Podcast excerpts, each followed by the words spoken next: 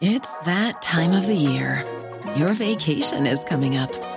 You can already hear the beach waves, feel the warm breeze, relax, and think about work. You really, really want it all to work out while you're away. Monday.com gives you and the team that peace of mind. When all work is on one platform and everyone's in sync, things just flow wherever you are. Tap the banner to go to Monday.com. Mother's Day is around the corner. Find the perfect gift for the mom in your life with a stunning piece of jewelry from Blue Nile. From timeless pearls to dazzling gemstones, Blue Nile has something she'll adore. Need it fast? Most items can ship overnight. Plus, enjoy guaranteed free shipping and returns. Don't miss our special Mother's Day deals. Save big on the season's most beautiful trends. For a limited time, get up to 50% off by going to BlueNile.com. That's BlueNile.com.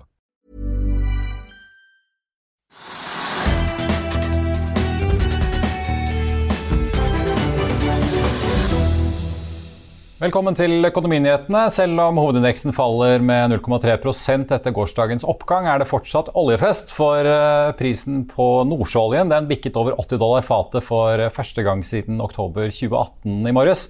Men nå har den eh, endt så vidt under en på 79,85. Likevel så ser vi at eh, både oljeselskaper som Equinor, Aker BP, Okea og DNO alle har en fin oppgang i dag på mellom 2 og 4% og også oljeserviceselskaper som Subsea 7 og Aker Solutions eh, er opp i dag. Ser man rundt oss på kartet, så er eh, både de europeiske og nordiske børsene rundt oss ned mellom 1 og 2% med unntak av Storbritannia, der UK 100-indeksen er ned 0,1 på Wall Street eh, er futuresen i rød og indikerer dermed at vi kan få en ny nedgang etter fallet på Nasdaq og SMP 500 i går. Senere i sendingen skal vi høre om en ny storinvestering fra Microsoft, og vi skal snakke med toppsjefen i svenske Polestar, som skal på børs. Klavenes Combination Carrier steg så mye som 11,9 i dag, etter en opptur på 3,8 i går. Aksjen ligger opp nesten 9% og det skjer etter at eh, Clarksons i går oppgraderte rederiet fra 56 til 68 kroner aksjen. Og i dag har DNB Markets kastet seg på med en kjøpsanbefaling og et kursmål på 65 kroner, altså 3 kroner under Clarksons. Aksjen handles på 54 kroner, så det er fortsatt betydelig oppside mot eh, kursmålene til de to eh, meglerhusene. Teknologiselskapet Elop er nå opp 7,6% Selskapet meldte at de har fått inn en ordre fra, for den håndholdte enheten Elop Insight og roboten Insight Crawler av Sealtech i USA. Ifølge administrerende direktør Øyvind Horpestad åpner ordren, øh, ordren opp øh, det amerikanske markedet for selskapet. I tillegg tar vi med at flyselskapet Flyr steg 17 i går og suste opp over 11 da børsen åpnet i dag, før aksjen har falt ned mot null igjen. Selskapet meldte om et nytt samarbeid med VIPS, og flyaksjer har i tillegg vært ganske mye i vinden i det siste. Da Trygve, skal vi ta for oss en stor nyhet i dag som ikke har kommet innom ennå, nemlig at Autostore skal på børs. Dette kan jo virkelig bli en av de store selskapene på børsen? Det vil det bli. Altså Hvis de tallene man hører, er riktige. da. Altså, men, men, selskapet hadde jo en emisjon i begynnelsen av året i år. og Da, da de prisen på selskapet til rundt 60 milliarder. Det er mye. Eh, og så skal de da tenke seg nå da at et nytt prisintervall er fra 120 til 140 milliarder. eller sånn nå. Hvis det er riktig, det er veldig mye penger. Og så skal de da hente inn penger. Til hvilken kurs det er jeg ikke sikker på, da, men 120 eller 140 eller et eller annet midt imellom. For å gi en discount til de som skal tegne. da altså, Prosjektet virker veldig stort da på papiret. Og å få et selskap da opp på 120-140 milliarder kroner, det er da blant børsens ti største selskaper. Det er litt sånn underlig. Og så er det, at jeg, jeg, altså, det, er, det, er, et selskap som sikkert har en god teknisk løsning. ja, De driver jo med veldig avanserte altså robotiserte lagre, og Komplett er jo en av de som har brukt ja, det i mange komplett, år. Ja. Komplett var kanskje det første selskapet som brukte dem. Og så er det slik da at netthandel er det store i verden, i store livet. Og eh, da trenger man selvfølgelig kjempegode lagersystemer for å få pakkene hit og dit og frem og tilbake til raskest mulig tid og lavest mulig kostnad. Så det er sikkert noe. Men det synes jeg, den, han som har stiftet selskapet da, og er en av gründerne, han skal ikke selge noen aksjer, sier han, selv om det da kanskje priser til 120 eller 130 milliarder kroner. Det, er, det ville jeg tenkt om to ganger før jeg sa. Jeg vil ikke ta ut noe av profiten hvis man skulle få den prisingen. Men så er det også det at de, vet ikke om du har sett det, men de, altså alle tallene som har kommet nå, snakker om omsetning. Omsetningen i fjor, omsetningen i år. Kanskje mulig omsetning neste år. og Det er liksom da 300 millioner dollar, 500 millioner dollar osv. Men det er ingen som sier noe om inntjeningen. Altså, har Nei, de tjent penger? Det er de stille om. Har de tjent penger? Har vi fått noen tall for det? Finnes det noe sted noen tall? Nei, De sier ikke vi opplyser om denne. Ja, men altså, det, altså, Det kommer jo for en dag når de skal på børs, da. Men, det kommer jo eh, for en dag de skal på børs, og da skal, noen, da skal det settes en pris. og noen skal være, Du eller andre skal være villig til å tegne da, aksjer i, i, i, selskapet. Det, så jeg blir alltid skeptisk når jeg bare ser oppblåste omsetningstall. men er det et faretegn at de ikke vil vise det? Vi har jo sett det på andre børsnoteringer tidligere, at det enten bare kommer justerte resultat, eller du får liksom aldri hele For meg er det rødt lys. Ja. Altså Det lyser rødt fordi det er åpenbart at inntjeningen er negativ, eller veldig liten. da. Og Du kan liksom ikke ha et selskap på Oslo Børs som da prises til 140 milliarder kroner hvis ikke tjener penger. Det går ikke. Så det, det, er, det er en rimelig prisning, og det vil ikke, vil ikke slå inn. så det ja, det er et, la oss kalle det et gult, et gult lys, det er kanskje ikke rødt ennå. Gult lys, og så må vi få mer tall fra inntjeningen. Og at de da ikke kommer unna, er på en måte negativt som bare det. Og Det er jo et kobbel av rådgivere her. altså Carnegie, JP Morgan, Morgan Stanley er hovedtilretteleggere. Og så har jo i tillegg ABG, Citigroup, Jeffries, Misuo og Sparebank1 Du Markets også fått roller. altså Det er jo nesten ingen i Nå mistet du mikrofonen din, Trygve. Ja, men de, de trenger 100, 100 meglerfirmaer for å få inn de pengene. Ja, det er jo nesten ikke et meglerhus i byen som ikke heier Nei, inn unntatt eh, Arctic og, og DNB, ser det ut som. Men da vet vi heller ikke hvor mye de skal ta inn, da, eller hente inn. Så det kan jo være 10 milliarder eller 5 milliarder eller 3 milliarder. Det vet vi ikke noe om. Emisjonen sier de er 2,7 eh, pluss da nedsatt Ja. fra noen eksisterende. Men til hvilken kurs, da? Nei, det vet vi ikke. Så, ja, så, ja, så det, det er et kjempestort selskap. Det er ganske spennende også, men eh, de har hatt eh, oppkjøpsfond på eiersiden, eller har det fortsatt. Og så er det spørsmål da hvilke av disse selskapene vil selge seg ut, helt eller delvis. Hvor mye vil da den opprinnelige gründeren selges ut, hvis han skal selge seg ut. Masse ubesvarte spørsmål. men det er... Det, hvis man skal ta liksom grovt på det, se grovt på det, så, så, vil, så kommer det et kjempeselskap på Oslo Børs til en veldig høy prising til en stor verdi. Ja, Jeg merket meg i hvert fall eh, Administrerende direktør Karl Johan Lie sa jo at eh, Softbank, japanerne, det store japanske fondet, de skal ikke selge seg ut. Men eh, EQT og, og dette oppkjøpsfondet Thomas Lie, som er største aksjonær i dag, eh, er, skal vi selge, da. Men, eh, De virker veldig selgevillige, da. ja, men det er jo i hvert fall uklart eh, hvor mye de skal selge. Ja. Men de har jo åpenbart en, hatt en enorm vekst. Da. De har jo, sier de, solgt altså, seks, altså per juni da, seks, nesten 700 installasjoner til 512 kunder. Det er jo Ja, det langt flere enn Komplett som har tatt dette i bruk, så det må jo ha en eller annen verdi. Ja, det har en verdi. Men uh, spørsmålet er hvor er verdi. Nå skal jeg jobbe med den høyttaleren. Ja, vi skal fikse den mikrofonen. Ja. Jeg ser så dårlig også, så nå skal jeg prøve å få til her. Ja, nå håper jeg sitter her. Men men ja da, så det er mange som skal inn der. Også, og Softbank er blitt en sånn investor i det norske markedet. Interessant investor, har åpenbart for mye penger. Og når de kjøper seg inn, så kjøper de ganske store andeler til høye priser. At priser er alltid høyt, går stort inn og blir sittende ganske lenge. Så, okay, Og det sies at de som står bak det, de som er forvalterne der, er kjempegode. Og de er i norske selskaper. ja. Inkludert Kahoot for, for øvrig. Ja, de er i Kahoot også. Der er de også veldig store. Og det var uh, veldig smart trekk å få dem inn, faktisk. Kahoot er da på en måte litt sånn fallende kurs for om dagen. I dag er det under 60 kroner. Det er nede på 57-58 kroner.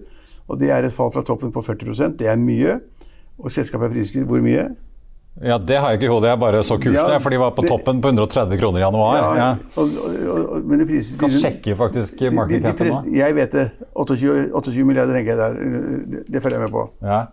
Så det ligger i underkant av 30 milliarder i market cap. 28,03, veldig bra. ja, og det er, et, det er en høy altså det er en høy, det er liksom verdiladet begrep, men altså, det er en høy pris, da. En, fordi at de har en hard omsetning, tjener penger, ikke mye, bare litt. Eh, Og så har de fått veldig profesjonelle investorer inn. Ikke sant? Softbank er utenlandske investor, men de har liksom da de, de store norske, Jan Herman Andersen ikke sant? Og, og flere andre, som har vært ut og inn, eller har solgt noe, så har de gått inn og ut. Ja. Så de har fått med seg et investormiljø i Norge som er proft og godt. Men så skal man da liksom forsvare prisingen. da. Forsvare at selskapet er verdt 30 milliarder kroner, og da må du tjene mer penger. Det, blir urimelig. slik at vi ser begge, Det er en del sånne selskaper hvor Softbank er inne, da, og utenlandske investorer ser på det, og de priser norske aksjer høyere enn det vi vil gjøre. Ja. Vi er litt mer konservative, vi er forsiktige, vi er gammeldagse. Da får vi heller ikke de store gevinstene. Vi så jo På Pareto-konferansen så snakket jo bl.a. av Pareto, og vi har hørt andre meglere si det samme, at nå kommer det flere store transaksjoner. Vi har jo sett Elopak kom på børs tidligere i år.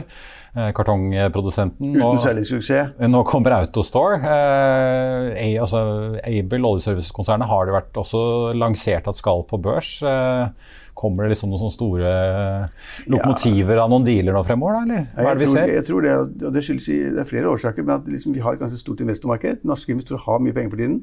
Utenlandske bruker det norske markedet. Og så er vi det at det er relativt enkelt å få børsnotert selskap. da. Så ganske enkelt, kravene er mye mindre enn da på de store, ordinære børsene. Så det er mange som prøver seg her for å få en prising. Det er det viktigste. Og så er det noen som selger seg ut i en ganske høy pris, og så er det da noen som kommer inn og blir med videre. Men det er, det er rimelig enkelt å komme på børs. Kravene er lave, og pengene sitter løst. Ja. Det er herlig. vet du. Herlig, men farlig, kanskje. Ja.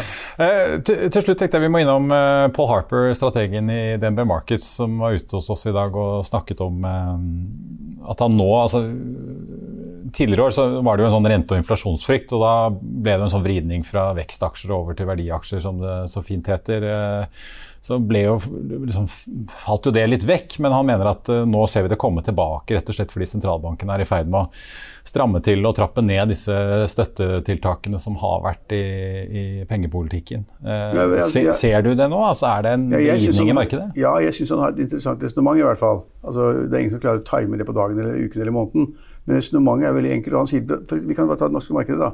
Det har ikke han sagt nå, men hvis, hvis du ser på oljeaksjene altså som Equinor i dag som er opp til 4% Aker BP opp et par prosent igjen. De går og går og går. Og Equinor har passert en markedsverdi på 700 milliarder kroner. Største selskapet i landet. Og det, Hvis man sier at det er verdiaksjer, da, for der pumper man opp altså olje og gass og selger til en kjempehøy pris Forutsigbar inntjening relativt. Da. ja, men det renner inn penger, altså. Det er liksom, og det er i dag. Det er i dag. Så, så ser man på da, de såkalte vekstaksjene, da, som er Amazon eller Kahoot eller hva du måtte ønske å snakke om. Eh, De, de selskapene som har inntekt langt frem i tiden. Vi vet jo at Kahoot får ikke store inntekter før langt frem i tid. Amazon tjener penger, men det er liksom, de store inntektene kommer langt frem i tid. Så hvis vi kaller dette her liksom da vekstaksjer, da, den pakken av aksjer som har vært veldig populære Men poenget er at hvis renten stiger, hvis renten stiger, elementær økonomi for vi som har studert finans, så vil da nåverdien av det selskapet falle. Hvis renten, renten faller, så stiger nåverdien av selskapet. Da, nå sier man det at se på disse gass- og oljeinntektene, de renner inn. Selskapene altså de velter seg i penger.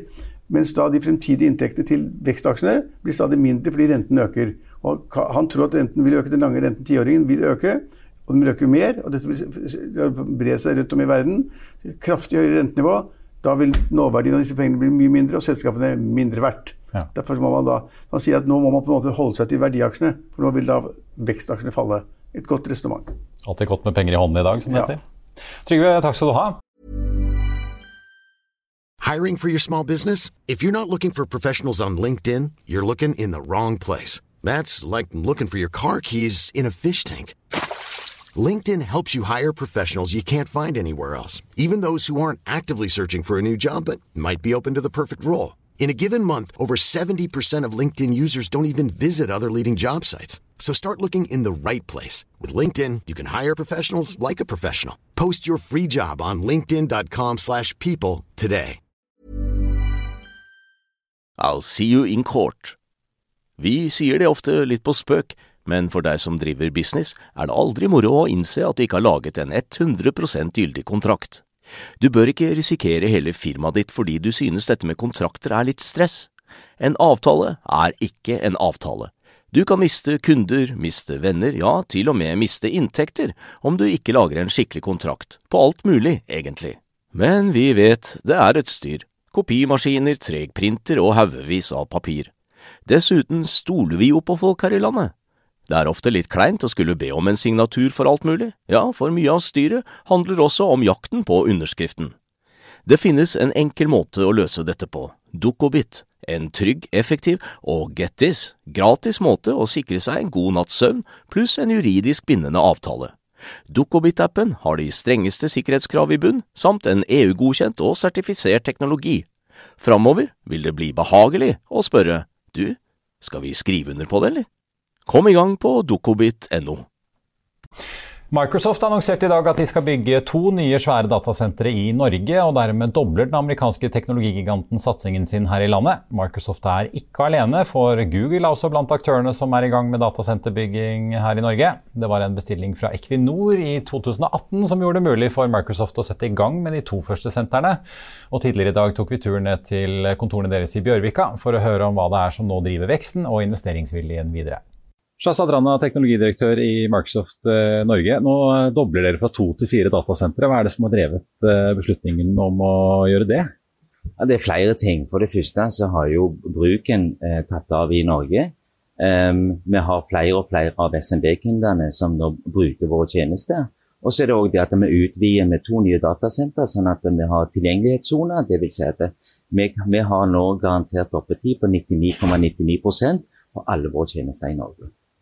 Det var jo Equinor i sin tid som var med på å liksom, få dere over terskelen eh, som en stor kunde. Eh, men er det fortsatt mye store bedrifter, eller er det som du sier liksom, mange små nå? Det er, en, det er en god blanding av både store og små. Og så ser vi det at altså, vi, vi, er nå helt i slutten av en covid-fase. Sånn at hele bruken av digitale og, og, og, verktøy og teknologi har jo bare eksplodert. Det har gått i taket. Og vi følger etter og, og, bygger ut eh, fortløpende i forhold til våre tjenester. Og da trenger vi den kapasiteten, driftskapasiteten i Norge òg. Hva koster dette her, da? ja, billig er det ikke. Eh, eh, kort fortalt så dobler vi investeringene våre i Norge. Ja. Litt hemmelighetsfullt på prisen. Men eh, du, altså, vi, dere, jo, dere, begynte jo dette arbeidet i 2014. Da hadde dere jo ingen datasentre her. Så har det kommet på plass mange ting siden den gang. Men hva er liksom det viktigste norske politikere må tenke på for at Norge skal være konkurransedyktig og, og interessant å investere i for dere? Ja, du er inne på et viktig og et stort spørsmål. Du, eh, og det er helt riktig som du sier at i 2014 så var vi ikke konkurransedyktige som nasjon eh, i forhold til å bli vurdert på datasentersida. Vi hadde ikke god nok infrastruktur, vi hadde ikke god nok connectivity, vi hadde ikke gode nok områder eh, som vi da kunne bruke. Og så begynte da mange kommuner å begynne å utforske mulighetsrommet på hvor kunne du ha datasenter. Og så trenger du òg politisk stabilitet, ikke sant. Eh, fordi at eh, det er tunge investeringer eh, selskapet som Microsoft gjør. sånn at du må ha gode rammevilkår. Du må ha god kompetanse. Vi ser òg en økende vekstnæring, datasenternæring, i Norge, som er med å dra dette her lasset videre. Så det er da eh, si, god tilgang på miljøvennlig kraft. Du trenger da politikken, du trenger rammevilkårene, du trenger kunnskapen. Og så trenger du infrastrukturen eh, som nå òg har vært bygd opp parallelt med at Microsoft, altså bl.a. Microsoft har investert i datasenter i Norge. Så det er en sum av mange ulike komponenter som skal passe i sammen. Den eh, svensk-kinesiske elbilprodusenten Polestar, som ble spunnet ut av Volvo og som har blitt omfanget av mange norske bilkjøpere, skal nå på børs. Vi har snakket med konsernsjef Thomas Ingenlatt om børsplanene, hva de skal gjøre med den drøye milliarden med dollar som børsnoteringen gir inn i kassen, og hvorfor selskapet børsnoterer seg ved hjelp av et skallselskap på Nasdaq, den omdiskuterte og såkalte SPAC-metoden. Thomas Ingenlath, thank you so much for, for joining us from Gothenburg today. I wanted to start by asking uh, why why are you seeking an IPO right now? Is there a, a reasoning behind the timing? Yeah, I think the reasoning is um, connected to the period in time where this brand is. We had obviously now a launch of the brand of the last years, the Polestar 2 successfully in the market, all the systems up and running. And now we have a model launch of three new cars in three years coming up, starting 2022. We have at the same time a big idea about how we broaden as well the footprint of Polestar in the world with 14 markets today, 30 markets in, in, in the course of the next 24 months. So obviously that phase of growth and where we really have this acceleration of the brand is um, the reason why this um, merger, why us becoming a listed company makes totally sense.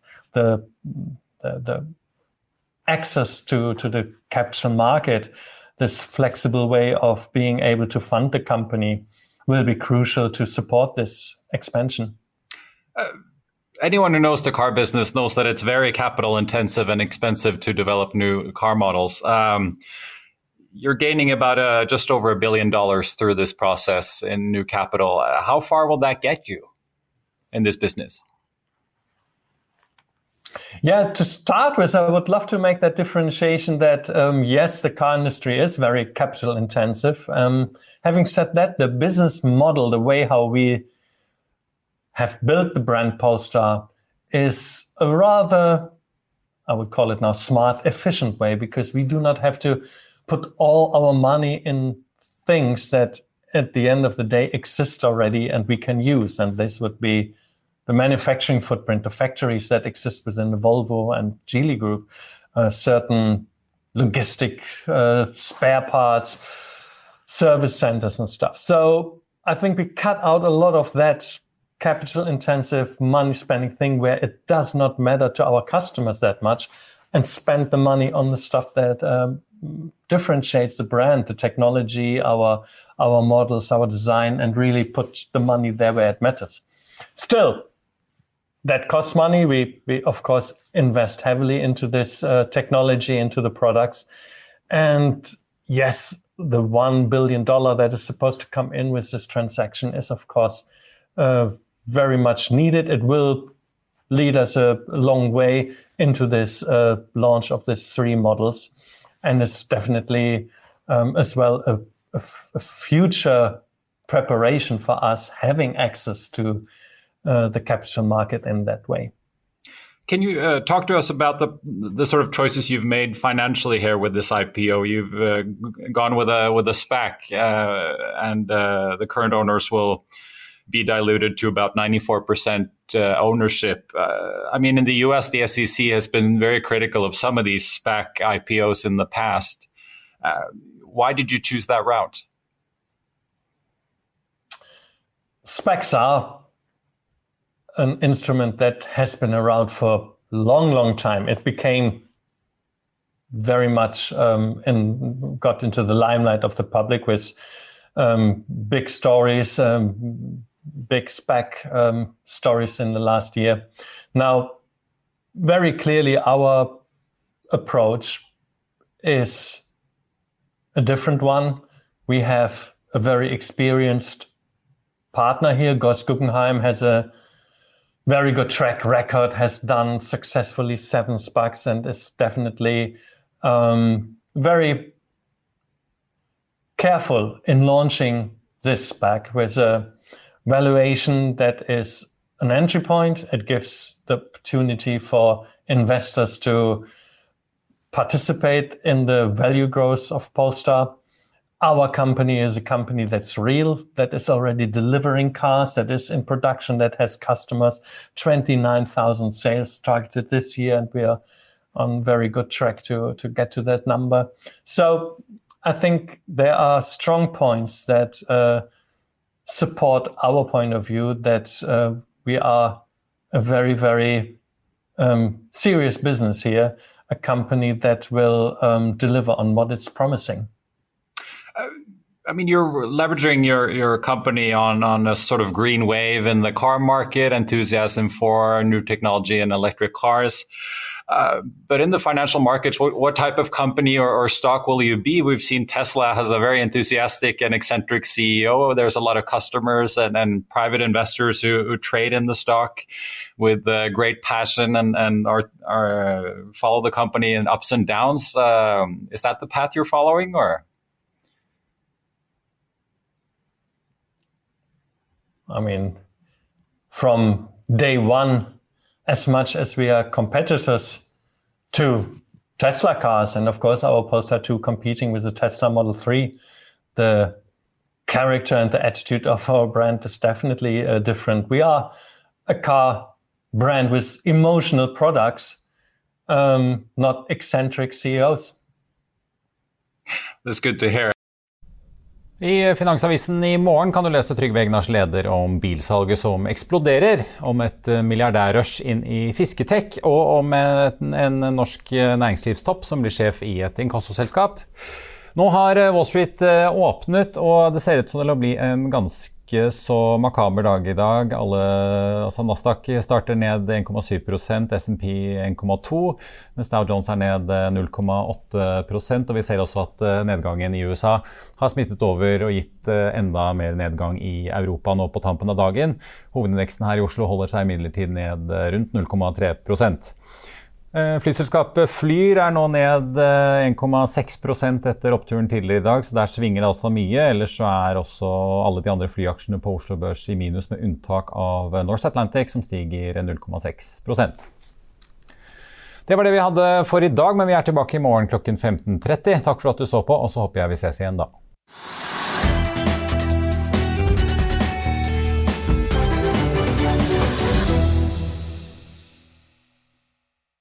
Økonominyhetene er en podkast fra Finansavisen. Programledere er Marius Lorentzen, Stein Ove Haugen og Benedikte Storm Bamvik. Produsenter er Lars Brenden Skram og Bashar Johar. Og ansvarlig redaktør er Trygve Hegnar.